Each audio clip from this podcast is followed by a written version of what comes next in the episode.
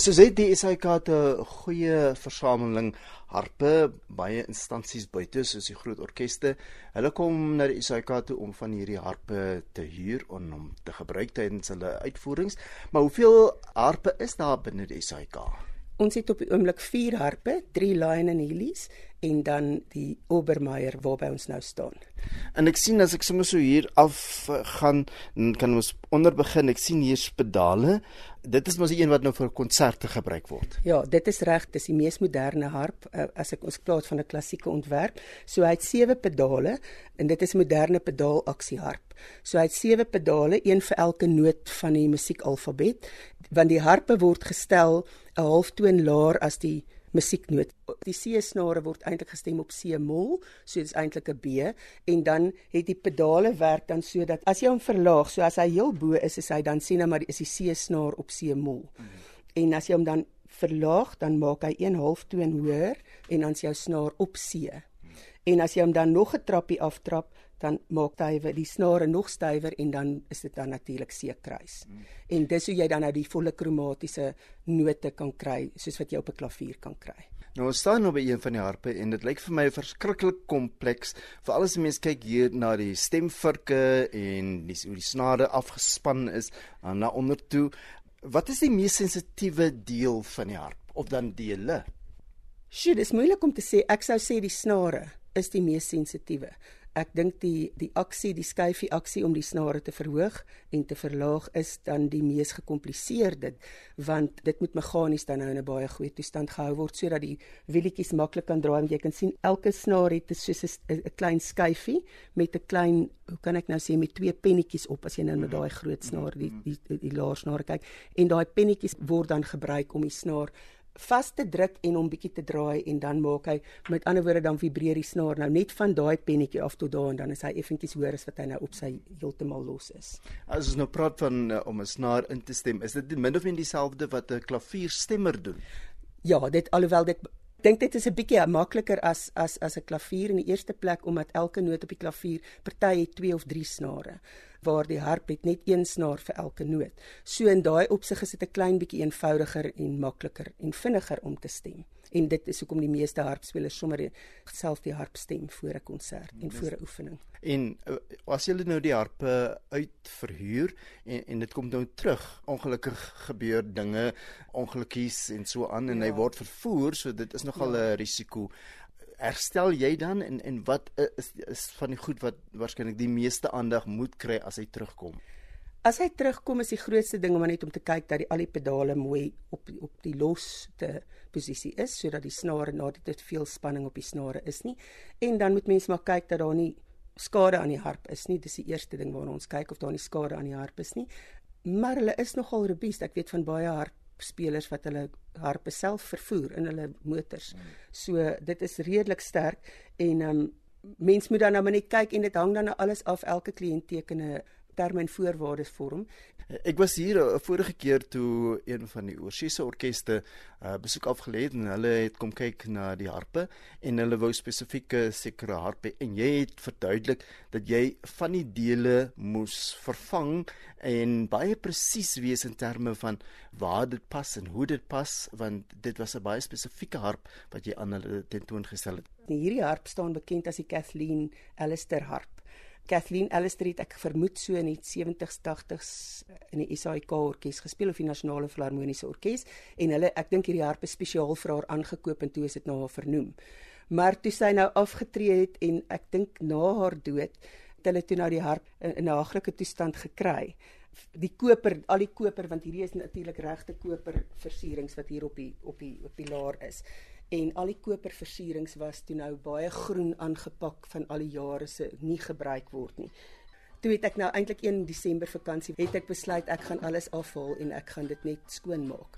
So ek was baie bang en baie senuweeagtig om dit te doen want as een part verlore raak of nie op die regte plek terugkom is dit 'n vreeslike gemors. So ek het elke partjie afgehaal om genommer en hom op 'n papier neergesit en sy buitelyne getrek. En so het ek nou maar letterlik net elke partjie apart afgehaal want hierdie hele ronde string blaartjies in in in in, in blommetjies wat hier afgaan bestaan uit 10 of 12 verskillende dele. En ek het net een deeltjie op 'n slag afgehaal en mooi skoon gemaak en weer teruggesit. En so dit was maar net maar dit was spesiaal dit was maar net om dit skoon te maak dit was nie spesiaal vir 'n kliënt nie dit was net om die harp weer in 'n goeie toestand te kry. Nou eh, ehm um, versiersels is dit vir estetiese doeleindes of is dit nou om te help met die klank nee dit is absoluut vir estetiese doeleindes. Dit is absoluut maar net gemaak. Ek dink omdat die harp gesien word as 'n baie romantiese instrument en omdat dit so oud is, ek meen die geskiedenis van die harp dateer 3000 ten minste 3000 jaar terug. Van handharpe, dit kom uit die Bybel leer ons al van Dawid wat op die harp gespeel het. So die die klank word gevorm in die klankkas wat hierdie kant is en waaraan die snare vasgeheg word en jy kan basies hoor as ek net op hom kap dan is daar uh, hoor jy die weergalm en, en die klank van die klank so jou jou snare skep die klank en dan word dit vergroot deur die klankkas. So dit is hoekom ek gedink het ek sal dit self doen is omdat die pilaar eintlik net daar is om die harp sterk te maak en om te versterk en te sorg dat die snare want onthou daar word ongelooflike druk veroorsaak deur die snare en die pilaar is eintlik maar net daar om te sorg dat die harp heel bly en dat hy staande bly en dat hy nie knak van die groot uh, spanning op die snare nie. Nou as 'n mens nou so kyk na die harp, dan sien jy jou kortste snare is hier uh, die naaste aan die speler self en dan die langer snaar uh, is die verste. Is amper soos uh, ook as jy kyk na 'n uh, orkes met sy snaar 'n uh, instrumente groep, die strykers, dan sien jy ook dat hulle snare, dit is nou vir die eerste en tweede viool is baie kort teenoor byvoorbeeld die kontrabas wat baie lang snare het. Ja, presies. Dit is presies so georganiseer en dit is vir my as 'n klavierspeler nogal vreemd want ons is gewoond op klavier om met jou duim altyd baie sagter te raak want jou duim is uiteraard baie sterker as jou ander vingers. So mense is gewoond om altyd eintlik baie sag met jou duim te speel, maar eintlik is dit omgekeerd met die harp.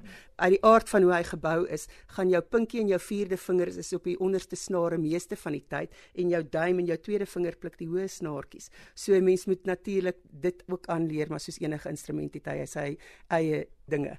En mens moet dit dan maar net aanleer om om baie sag en baie delikaat te speel as jy nou hier bo pluk. So sê dit nou daar aan die ander kant in die hoek staan 'n baie spesiale harp. Uh, verduidelik 'n bietjie meer. Dit is ons Lion and Healy harp. Hy's 'n Lion and Healy style 17 gold. Die hele harp is oorgetrek met goud. Kyk, al die moderne harpe word uit die aard van die saak eintlik handgemaak. Hulle word geweldig streng getoets en deur geweldig streng uh, uh, inspeksies gedoen sodat dit regtig 'n konsertpart net die beste parte het en net die beste vakmanskap het. So hierdie een word so vervaardig, hulle het 'n aangesit met per hand word dit met 23 karaat goud beslaan vir versiering. Baie harpspelers sal dalk met my verskil maak. Ek dink nie dit maak regtig 'n groot verskil aan die klank nie, maar dit lyk ongelooflik mooi en dit is regtig 'n absolute pype konsertharp. En as mense nou kom en hulle kom kies nou watter harp hulle graag wil gebruik, is dit dan een waarvoor hulle vra? Ja, almal wil hom altyd graag gebruik. Maar ongelukkig nou maar met oorlewing soos wat ek uh, hier by die SAIK begin werk het, die harp gaan nooit uit die gebou uit nie.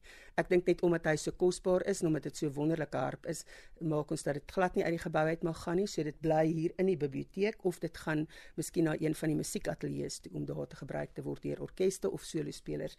Dis interessant die geskiedenis van die harp of of die maak van die harp. Elke dingetjie het 'n uh, betekenis. So jy kan sien die blommetjies en die blompatrone en blaarpatrone op die harp is baie tipies en kenmerkend van die Lion and Healy harpe. Dis natuurlik 'n Amerikaanse harp en dan kan jy sien daaronder is amper soos 'n fleur de lis wat ook 'n kenmerkende patroontjie is en so word die patrone maar op die harp se pilaar gesit en dan natuurlik word daar die fynste hout inlegwerk gedoen op die klankkas van die hout soos wat hulle met gitare ook maak. Ja, dit is dan natuurlik wat hom absolute gesogte. Hy lyk ongelooflik mooi op die verhoog natuurlik en hy klink pragtig. Jy het nou gepraat van die harp word soms ook vervoer hier binne die SAIK na die verskillende ateljee's toe. Ja. Is dit ook 'n geval soos in by klaviere dat hy moet hergestem word as hy nou in 'n in 'n nuwe lokaal sou wees? Ja, enige snaarinstrument moet maar gestem word weer as hy as hy verskuif word elke keer.